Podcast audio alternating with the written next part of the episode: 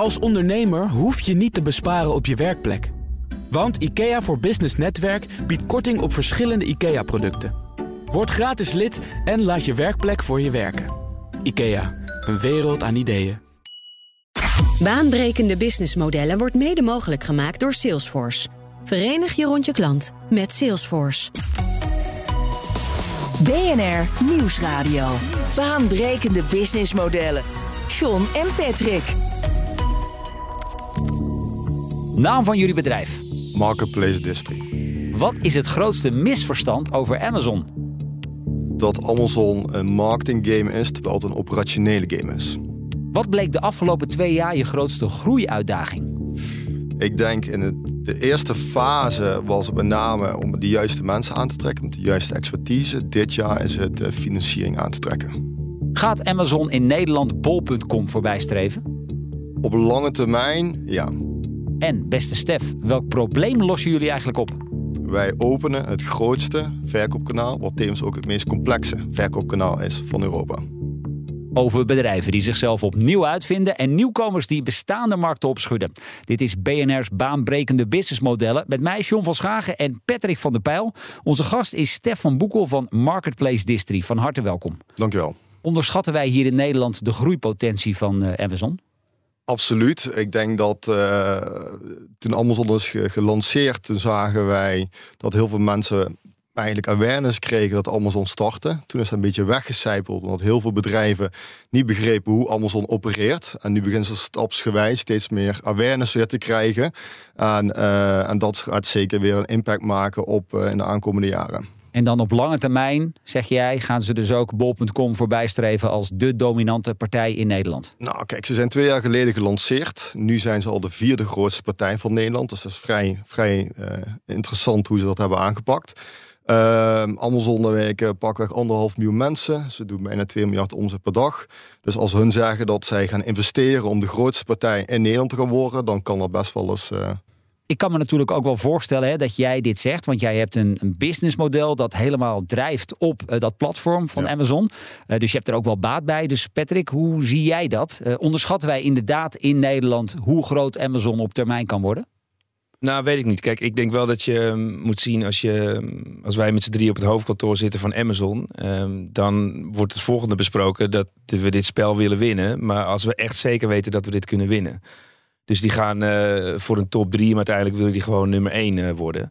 En wat je ziet in Nederland, dat die markt is wel moeilijker. Hè? Als je het bijvoorbeeld met Duitsland vergelijkt. Dus de Nederlandse markt hebben een Coolblue en uh, een Bol.com. Die spelen daar echt een goed spel. Weekamp ook nog wel. En daar ligt wel bij de Nederlanders ook veel loyaliteit. Dus je ziet dat um, dat is nog niet zo makkelijk om ze van de troon te stoten. Alleen als je kijkt naar um, Amazon, wat het probleem was tot twee jaar geleden, is dat zij in Nederland geen magazijn of warehouse hadden. Dus alles moest vanuit Duitsland komen. Dat heeft destijds de introductie van Otto in Nederland ook genekt. want die kon uiteindelijk veel te laat leveren. Nu sinds uh, zomer 2021 is hier in de buurt van Amsterdam een distributiepunt. Dus dat helpt. Maar daarna zie je ook wel dat een Amazon wel behoorlijk een, een arsenaal aan um, ja, wapens nog tot zijn beschikking heeft. Of noem het vanuit hen groeidoelstellingen. Kijk, wat zij willen pro proberen te doen is een klantenbestand uit te breiden via Amazon Prime. Om te kijken dat jij en ik daar lid van worden. En nou, dan krijg je als klap de vuurpijl heel goedkoop een streamingdienst bij. Waar je bij Netflix uh, drie keer zoveel betaalt, is dat bij uh, een Amazon uh, niet het geval. En je krijgt korting hè, op diverse producten. Ja, um, en kijk wat je daarna ziet in die groeidoelstellingen. Zijn zij 6% goedkoper gemiddeld dan een bol.com. Dus ja, je ziet dat dat wel um, nu al van invloed is. Kijk, wat ze ook wel zeggen is dat het, uh, en dat geeft je net ook aan, het is niet een korte termijn strategie. Dus het hoeft niet morgen of overmorgen te gebeuren. Maar je ziet uiteindelijk wel uh, op lange termijn dat ze in die top 3 gaan komen.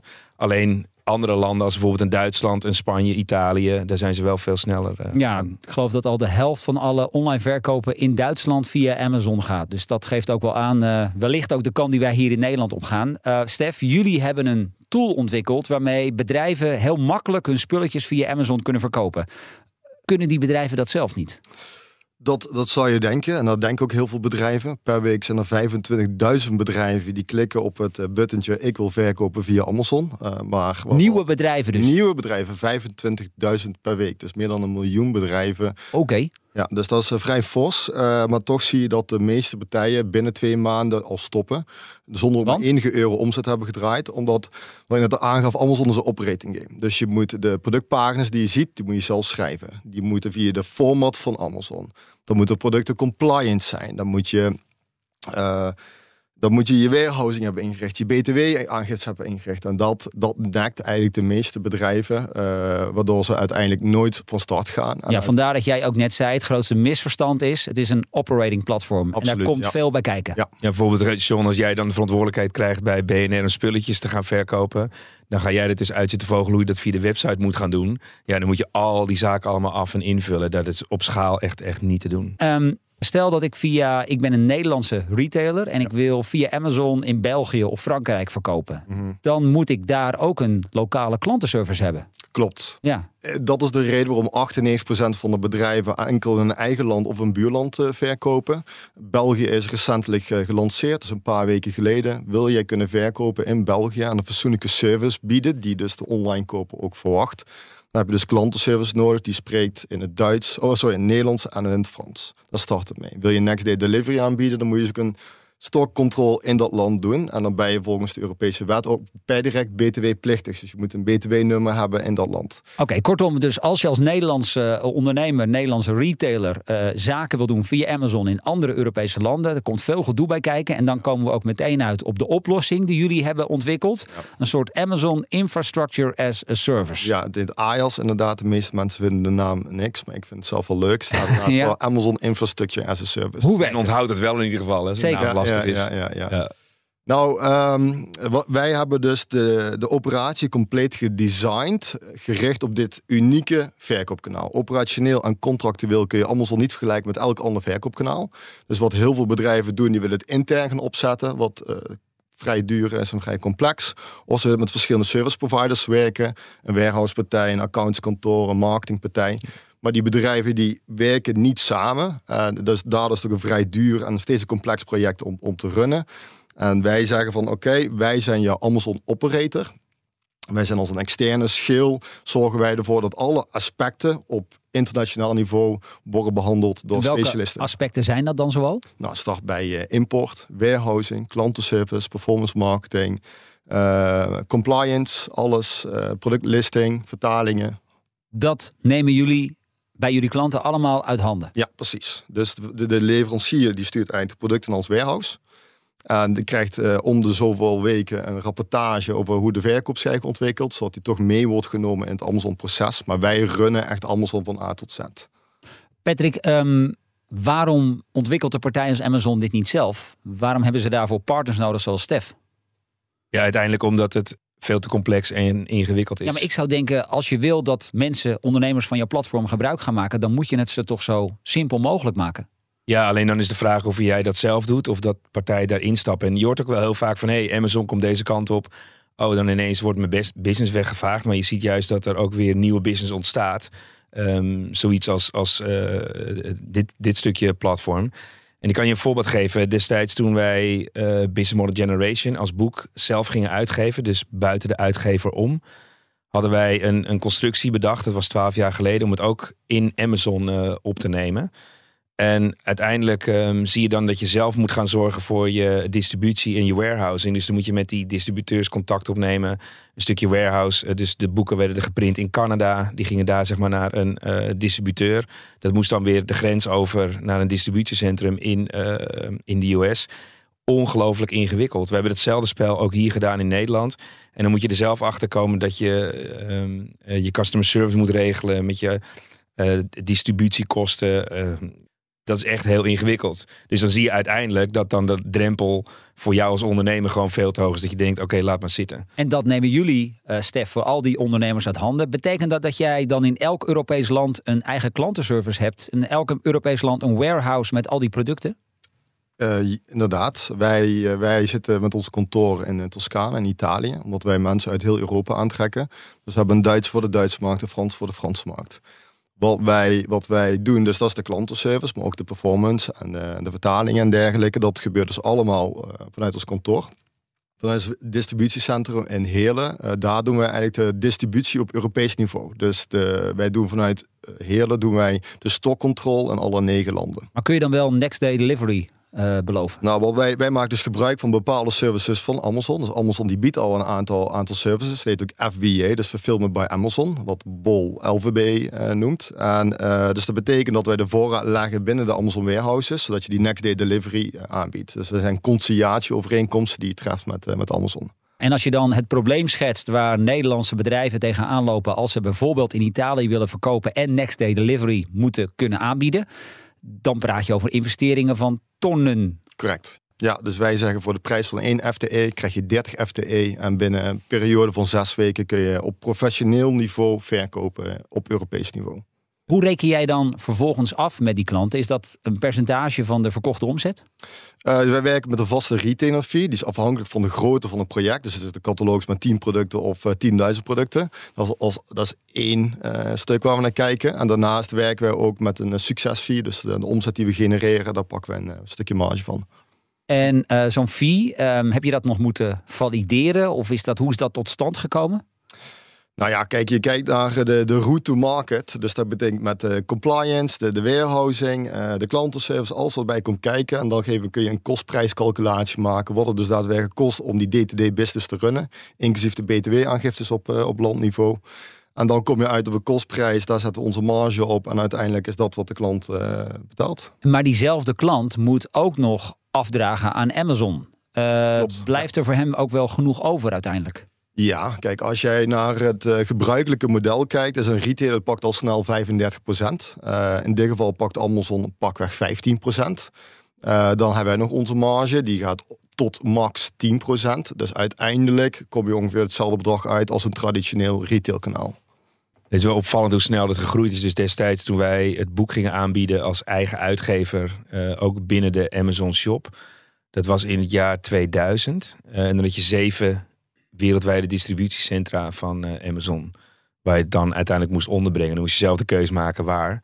Nou, ik wil niet weten hoeveel uh, distributiecentra nu inmiddels uh, van Amazon staan. Wij hebben in Duitsland 65 verschillende locaties. Kijk. BNR Nieuwsradio. Baanbrekende businessmodellen. Met deze keer het businessmodel van een Amazon-partner. We praten zometeen verder, maar eerst Patrick. Nieuwe businessmodellen in de markt voor uh, recruiters. Uh, het worden er steeds meer. Ja, dat klopt. Maar ja, het is ook wel moeilijk om personeel te vinden. Zeker. Uh, je hebt een aantal uh, van die nieuwe oplossingen in kaart gebracht. afgelopen week onder meer in het AD lazen we een verhaal over HeyU. Ja, en ik vind het wel tof, want um, daar komt dus een uh, start-up voorbij en die zegt: Ja, we kijken niet naar je papiertje, maar we kijken vooral naar je persoonlijkheid. En uh, dat vond ik wel interessant, want destijds toen ik bij een Arthur Andersen werkte, heel veel jaren geleden, zeiden ze uiteindelijk: Ja, het gaat over een soort critical behavior wat je moet laten zien. En waar is dan het bewijs? In plaats van dat je steeds naar een papiertje kijkt.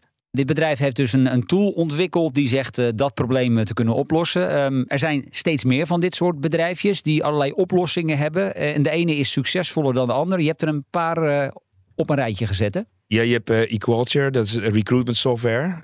Um, die vooroordelen en de vooringenomenheid wegneemt. Dat is wel interessant, want dan kun je mensen al eerder scannen. Um, zodat je weet in een profiel wie je voor je hebt. En of je ook dat profiel daadwerkelijk nodig hebt. Dan heb je Talentpool Nederland. Het idee daarachter is dat van alle sollicitanten er uiteindelijk maar eentje wordt aangenomen. En de rest valt af. En zij stellen dat afgewezen talenten moet je uiteindelijk her kunnen gebruiken. Nou, misschien een beetje het fout van de eerste of de tweede soort. Ja. Dan heb je Recruitee. En zij zetten vol op in de groei van collaborative hiring. Dat is eigenlijk een sollicitatieproces uh, waar je ja, met meerdere mensen binnen je bedrijf aan meedoet. Dan hebben we nog Testgorilla. Wat zij doen is het inschatten van vaardigheden met een geautomatiseerd cloud-platform. En dan nog eentje, Neurolytics, een AI-tool. Uh, waarmee bedrijven de kandidaten onder meer stressbestendigheid, motivatie en match met een team kunnen inschatten. Dit is slechts een greep uit de, uit de vele, denk ik, want er zijn er nog veel meer. Wat zegt jou dit? Dat er blijkbaar zoveel start-ups zijn die juist dit segment uitkiezen? Nou, ik denk dat één, het is een probleem omdat het nu moeilijk is om mensen te vinden. Dus maak je de vijver niet groter als je op een andere manier naar sollicitanten gaat kijken. Maar het andere, ik had hier voor de uitzending met Stef over. Als je iemand inhuurt en die moet je uiteindelijk in een jaar laten gaan, dat kost zo ongelooflijk veel tijd en geld. Ervaring mee? Ja, Nee, je ziet uiteindelijk binnen je bedrijf als je iemand aan boord neemt en die kan een jaar niet doen wat je in je hoofd hebt, ja, dan begin je weer op nul. Dus het brengt ongelooflijk veel kosten met zich mee. En heel veel ergernis. Ja. Stefan Boekel, daar gaan we mee verder praten. De founder van Marketplace Distry. Ehm, even kijken, jouw platform. Als we kijken naar aantallen. Uh, hoeveel verkopen doe je inmiddels? Ja, we hebben een vrij brede catalogus. 300.000 producten hebben we inmiddels ondertussen op Amazon staan. Wat ons een van de grootste catalogusleveranciers maakt uh, van, van Europa. Ja, je bent geloof ik top 5 speler. Top 5 speler, inderdaad, ja. Uh, en dat zijn producten die uh, één stuk per dag verkopen... tot producten die elke minuut bij wijze van verkopen. En dat gaat van speelgoed tot... gaat van, van, van werkkleding tot catering, tot speelgoed, tot uh, heel divers. Noem maar liter wat wij doen. Wij werken met pakweg in elke productsegment. Kiezen bijvoorbeeld vijf leveranciers waar we mee samen willen werken. En uh, zodat we ook niet met elkaar gaan concurreren. Maar Amazon heeft 12.000 productcategorieën, dus er is behoorlijk wat, wat markt uh, beschikbaar. Dus als jij nu uh, drie of vier speelgoedfabrikanten aan je platform hebt verbonden en ik kom met mijn speelgoed naar jou, dan ja. zeg je dat gaat hem niet worden. Dat gaat het niet worden. Ja, inderdaad. Ja. Ja, tenzij, die, tenzij die nummer 5 het niet zo goed doet, dan ja. zal ik een afweging maken. Maar oh, inderdaad, uh, dat is wat. Ja, want soms zie ik als consument, als je dan op zo'n website gaat kijken, ook bol.com, dan je zoekt naar feesthoedjes, dan zijn ineens 12 of 20 alternatieven. En met allemaal verschillende prijzen en levertijden. Dat vind ik altijd heel ingewikkeld. Ja, dat maakt het er niet uh, eenvoudiger op. Zeker ook niet als fabrikant uh, natuurlijk. Nee, ja, er zijn op Amazon uh, 10,5 miljoen bedrijven die verkopen. Dus het is een vrij breed assortiment. Dus wil je winnen op Amazon, dan draait alles om customer experience. Prijs is natuurlijk ook belangrijk. Maar als je prijs wil gaan concurreren, dan moet jij met Chinese merken gaan samenwerken. Maar heel veel, de meeste consumenten kiezen niet op basis van prijs, maar een combinatie van customer experience. Dus hoe snel wordt, wordt het geleverd? Kan ik een product makkelijk retourneren? Uh, hoe is de klantenservice? En op basis daarvan krijg je een soort suppliers ranking binnen Amazon. En dan degene die het hoogst presteren, die producten komen er ook bovenaan te staan. Maar ze zeggen uiteindelijk niet van als je uh, toeleverancier bent op het platform en je verkoopt een jaar niks, van jullie gaan van het schap af. Nou, dat, dat kan wel. Als jij uh, producten in het warehouse hebt die, die ze niet bewegen, dan uiteindelijk wordt wel verzocht om die producten weer op te halen. Dat jij dit bedrijf bent gestart is in die zin ook weer niet heel erg vreemd. Want je was hiervoor soort interim consultant binnen e-commerce. Uh, was er een moment waarop jij jaren geleden dacht... ik zie hier een probleem en dat wil ik gaan tackelen? Nou, ik heb uh, voor heel veel bedrijven intern gewerkt om dus die operatie op te zetten. En dan ga je eigenlijk van project naar project. En dat is een vrij complexe project, want je moet bij een bedrijf zegt iedereen ja, e-commerce is de toekomst en we willen investeren. Maar zodra je zegt, moet het warehouse management systeem aanpassen, moet de klantenservice moet worden anders ingericht met meerdere talen. Dan moeten heel veel mensen buiten hun comfortzone. En dan zie je toch dat daar wat minder interesse in is. Op een gegeven zat ik bij Amazon op kantoor. En uh, toen was ik aan het praten over een bedrijf uit Amerika wat ik naar Europa had gehaald. En toen waren we nog steeds aan vertellen de problematiek. Dat is dat 2% daadwerkelijk op Europees niveau verkoopt. En toen zat ik eigenlijk een beetje te denken op de terugweg in het vliegtuig. Misschien moet ik het als service aanbieden. Ik ga het compleet designen volledig op dit uh, verkoopkanaal. En dan ga ik het aanbieden als, als, een, als een service. En uh, ja, dat is eigenlijk goed. Ja, dan ga ik in Toscane wonen. Ja, ja. Nou, daar gaan we het straks ook nog even over hebben. Maar je zegt dat 2% op Europees niveau verkoopt. Dus ja. wat je net inderdaad ook al schetste. De meeste verkopers via Amazon houden het op een thuisland. Met misschien nog een buurland erbij. En dat is het dan ook wel. Kijk, als je kijkt naar Nederland, ik zal het net een beetje op te zoeken. In januari uh, waren er maar 2000 Nederlandse partijen die op Amazon verkopen. De overige 98.000, uh, dat zijn dus niet-Nederlandse partijen. Nou, waarom is dat voor mij een probleem? Dat is iets wat ik al, al jarenlang roep.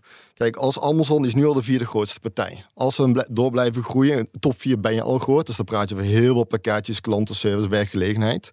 Maar nu gaat dus 98% van die werkgelegenheid en die omzet en de bijhorende belastingen, die gaan naar buiten Nederland. En ik denk dat daar eigenlijk het, het belang ligt voor Nederlandse partijen om dus nu te investeren. Zodat je uiteindelijk niet wordt, je kan wel een local hero zijn, maar voor hoe lang kun je een local hero blijven? Ja, want als ik jou zo hoor praten, dan, en stel inderdaad dat Amazon ook in Europa, in heel Europa, de dominante partij gaat worden, mm. dan praten we over tien jaar helemaal niet meer over lokale markten. Dan is het gewoon de Europese markt. En dan heb jij hier als Nederlandse speler ook competitie met allerlei spelers uit Italië, Spanje, Duitsland, Frankrijk. E-commerce is zonder, zonder grenzen. Ik denk dat elke ondernemer zou moeten denken zonder grenzen. Tegenwoordig is het veel toegankelijker om op Europees niveau of op internationaal niveau zaken te doen. En uh, de partijen die dan ook daadwerkelijk investeren op lange termijn, dat zijn ook uiteindelijk de winnaars op lange termijn. Ik denk wel vanuit welk perspectief je daar naar kijkt, uh, dat je daarin gelijk hebt. Want uiteindelijk als je uh, naar die lokale markten gaat kijken, is het wel echt bar ingewikkeld in Europa. Met de wetgeving, met de talen, et cetera. Dus het is nog steeds. Ik, ik vraag me af of je uiteindelijk gaat zeggen van hé, hey, ik ga dan naar Amazon en daar is een gateway. En die manage dat eigenlijk voor mij in die verschillende landen. Nou, dat is wel wat volgens mij Stef probeert aan te bieden, ja, toch? Dat is precies wat wij inderdaad aanbieden. Zonder operationele druk, interne investeringen, uh, alsnog uh, in alle negen landen actief te zijn. Allemaal zullen op dit moment warehouse aanbouwen in Denemarken en Oostenrijk. Dus de kans dat ze over een jaar of twee weer nieuwe vier landen zitten, zoals ze de laatste twee jaar vier nieuwe landen hebben geopend, is vrij realistisch. En uh, als dus een land wordt geopend, komen de investeringen bekijken, tenzij je dus eventueel werkt met een partij zoals, zoals ons. En welke impact gaat dit dan hebben op het businessmodel van Nederlandse producenten die zich nog puur op die Nederlandse markt richten? Nou ja, kijk, uh, de, de, ja, ik, voel, ik, voel, hem al aankomen. Komt meer concurrentie. Ik bedoel, er zijn heel veel slimme ondernemers in Nederland, maar buiten Nederland nog veel meer. En daar ga je mee concurreren. Ja, dus dat besef, dat is er nog niet, maar dat moet wel gaan groeien. Nou, ik denk dat het besef er wel is, maar wat er dus vaak gebeurt, is dat ze naar uh, hun lokale marketing agency gaan en dan zeggen, oké, okay, Amazon is gestart, wij willen ook verkopen. En dan zegt die marketing agency, ja, is goed, laten we het doen. Maar als je die operatie niet hebt ingericht, specifiek enkel en alleen voor Amazon, dat betekent dus dat je gewoon niet kan verkopen. Uh, is er in Nederland voldoende kennis over het platform? Nee, in het algemeen, de marketplace kennis is uh, vrij nihil. Uh, ik zit hier zelf al twaalf jaar lang, doe ik dit. Dus twaalf jaar geleden wist ik iedereen wie in deze business is. Sinds Amazon is gelanceerd zijn een aantal marketing agencies gelanceerd. Maar ik denk, je moet wel een, op lange termijn ga je pas echt herkennen hoe je dus een business bouwt op Amazon. Want het, het gaat met name om de variabele marges, die uh, zeker op Europees niveau vrij complex zijn. Uh, dus dat zijn wel zaken wat, ja, daar, daar gaat wel tijd overheen voordat je dat uh, gaat. En laten we eens een voorbeeld nemen. Een van onze gasten in onze podcast, um, dat was Somnox. En dat is zeg maar zo'n slaaprobot. Okay. Um, nou, dan kan je als ondernemer ervoor kiezen dat je dan dat uh, als direct kanaal zelf gaat verkopen. Of uh, je gaat naar een Coolblue of naar een Weekamp. Wat zou jij dan zo'n persoon adviseren als jij hem tegenover je hebt? Kijk, uh, wederom zou ik denken zonder grenzen. Dus ik zou niet eens per se starten in Nederland. Ik zou eens gaan kijken waar het grootste marktpotentieel ligt. dus wat marktonderzoek te doen op landniveau. Wat, hoe goed de categorie het doet. Wie zijn de lokale concurrenten? kun je daarmee concurreren op prijs of op kwaliteit. En op basis daarvan kun je een realistische inschatting maken of je dus kans van slagen hebt in dat land. En zodra je dat op een gegeven moment begrijpt, dat je dan pas gaat terugdenken hoe moet ik die operatie inrichten. Ja, dus eigenlijk zeg je dan, dat als je Nederlands ondernemer met een Nederlands product, denk nou eerst even na. Ja. Voordat je een stap gaat zetten, want er zijn misschien in Europa veel interessantere markten. En als je dan zo'n plugin hebt bij jou met je marktplaats, dan kun je dat ook realiseren. In plaats van dat je zelf alles moet gaan organiseren, wat misschien nu wel een veel te grote drempel is. Ja, eens. Ik denk dat heel veel ondernemers altijd denken vanuit hun eh, comfortzone, ook al misschien verwachten ze het zelf niet. Doordat ze succesvol zijn in één land, in Nederland. Want het volgende land waar je naartoe gaat is Duitsland. Ja. Terwijl het eigenlijk misschien wel verstandig is om te gaan kijken wat ligt er nog buiten uh, Duitsland en wat voor business kan ik daar halen. Opvallend ook wel is dat veel verkoop in Nederland nog via de eigen webshop gebeuren. Uh, hoe is dat in andere landen waar Amazon al zo'n dominante positie heeft? Ja, dat is eigenlijk wel heel interessant. Dus eigenlijk in de landen waar ze langer dan 10 jaar actief zijn, hebben ze 50% van de totale e-commerce markt. Dus dan praat je over uh, 200.000 webshops en je praat over Amazon. Wat eigenlijk nog veel belangrijker is om te begrijpen, is dat 65% van de zoekopdrachten start op Amazon. Uh, dus dus heel... niet meer op Google? Dus niet op Google. Dus 65% in Duitsland die gaat naar Amazon. En dan de overige 35% die gaat naar naar Google, Instagram, YouTube. Dus Amazon is het kanaal als je bijvoorbeeld zoekt op wandelschoen. En Google is het kanaal wanneer je zoekt op Nike. En waarom is dat? Dat is omdat uh, of je nou een Nike bent of uh, Patrick start een uh, eigen schoenenmerk. Iedereen heeft dezelfde kans. De productpagina heeft dezelfde layout. die kunt dezelfde informatie delen met dezelfde publiek die daar weer op kan antwoorden met de Q&A en reviews. En daardoor zie je dat heel veel consumenten een voorkeur hebben om de verkoop te starten op Amazon. En zodra ze bekend zijn met het merk, dan daarna verschuiven ze kijken om rechtstreeks te kopen bij de fabrikant. Stef, nu we toch met jou aan tafel zitten. Laatst uh, wilde Coolblue zeg maar een uh, geld ophalen om uiteindelijk ook um, verder te groeien in Europa. Uh, dus zeg maar naar België hebben ze natuurlijk gedaan en naar Duitsland zijn ze stapjes aan het maken. Wat zie jij dat als kans als je de investeerder zou zijn of dat je de CEO van, uh, van Coolblue zou zijn? Even voor de goede orde, die beursgang is afgeblazen. Ja. Uh, nou, kijk, wat Coolblue en, en Amazon kun je op dit moment zeker niet met elkaar vergelijken. Uh, dat is ook een van de redenen waarom Amazon niet zo'n hele grote positie heeft in, in Nederland vanwege uit de, de klantenservice experience. Als ze hun in nieuwe landen zouden gaan lanceren, en ze kunnen winnen op hetgeen wat, wat hun sterk maakt, dan zou dat best wel, uh, zou dat best wel een interessante business zijn. Maar het gaat niet zonder slag of stoot. Het is niet uh, een makkie om te zeggen van hé, hey, we nee. kunnen zo'n kans creëren. Nee, ja, het, het, gaat altijd op geld kosten. Zeker op het niveau van, uh, van Coolblue. De producten die uh, zo even al de revue passeren, zijn voornamelijk consumentenproducten. Jullie zijn opvallend sterk vertegenwoordigd ook in de B2B. Dat is een, een groeiende markt op Amazon, hè? Klopt. Uh, Amazon bestaat al 27 jaar. 27 jaar lang hebben ze eigenlijk hun consumententak uh, ontwikkeld. Een paar jaar geleden zijn ze Amazon Business gestart. Daar krijg je toegang tot wanneer je een KVK-nummer hebt en een BTW-nummer. Dat zijn, uh, die kopers daarop zijn start-ups of dat zijn ZZP'ers. Die kopen in hele lage volumes, dus die kunnen niet rechtstreeks onderhandelen met de grote fabrikanten. Uh, maar al die kleine ondernemers die maken uiteindelijk een hele grote pool. En Amazon die wil het grootste B2B-kanaal worden. Dus of je nou een kinderdagverblijf hebt of een radiostation. De opzet is dat je straks alles op Amazon kan, kan vinden. Dan zou je denken, ja dat gebeurt al volop. Maar met name de online verkopen in B2B zijn nog lang niet zo sterk vertegenwoordigd als dat in de consumentenmarkt is. Want waar, waar staat die markt op dit moment? Ja, kijk, uh, ik, ik ben hier heel enthousiast over, omdat 15 jaar geleden, toen e-commerce echt opkwam, toen stonden wij en keken we ernaar. Daar hebben we de afgelopen 15 jaar meegemaakt. En nu weten we wat er precies gaat gebeuren. Uh, dus. Dus jij zegt B2B staat op het punt waar de consumentenmarkt, de online consumentenmarkt, 15 jaar geleden stond? Pakweg ja, als je kijkt naar groeipotentieel. Maar het zal sneller gaan, want op dit moment zijn er gewoon meer er is meer kennis en zijn er meer partners op de markt om wat sneller de markt toe te treden. Dus je zult zien dat dat even sneller zal accelereren dan dat wij even, waar wij de consumentenmarkt al vrij hard vonden gaan. En ik denk dat de omzet, de gemiddelde omzetwaarde, uh, ook een stuk hoger ligt. Dus ja. qua omzet gaat dat uiteindelijk keer elkaar keer tien zelfs. Ja, ja, de gemiddelde consument, even uit mijn hoofd, besteedt volgens mij 53 of 56 dollar per, per koop op Amazon tegenover 450 dollar als bedrijf. En nu zag ik laatst dat uh, Bosch, maar ook um, andere partijen steeds meer naar zo'n abonnementmodel gaan. Uh, ook omdat het circulair is van uh, je hoeft de printer of de koelkast niet te kopen. Maar zie je dat als een, een bedreiging voor iets als Amazon? Ik denk met het grote de assortiment wat Amazon heeft, iets van 150 miljoen producten als er blijven veel nog meer genoeg is. producten over. Ik denk dat ze nog wel. Uh, dan, moet je, dan moet er een hoop gebeuren. Er moeten een heleboel abonnementsvormen komen. Wordt dat echt een grote bedreiging voor Amazon?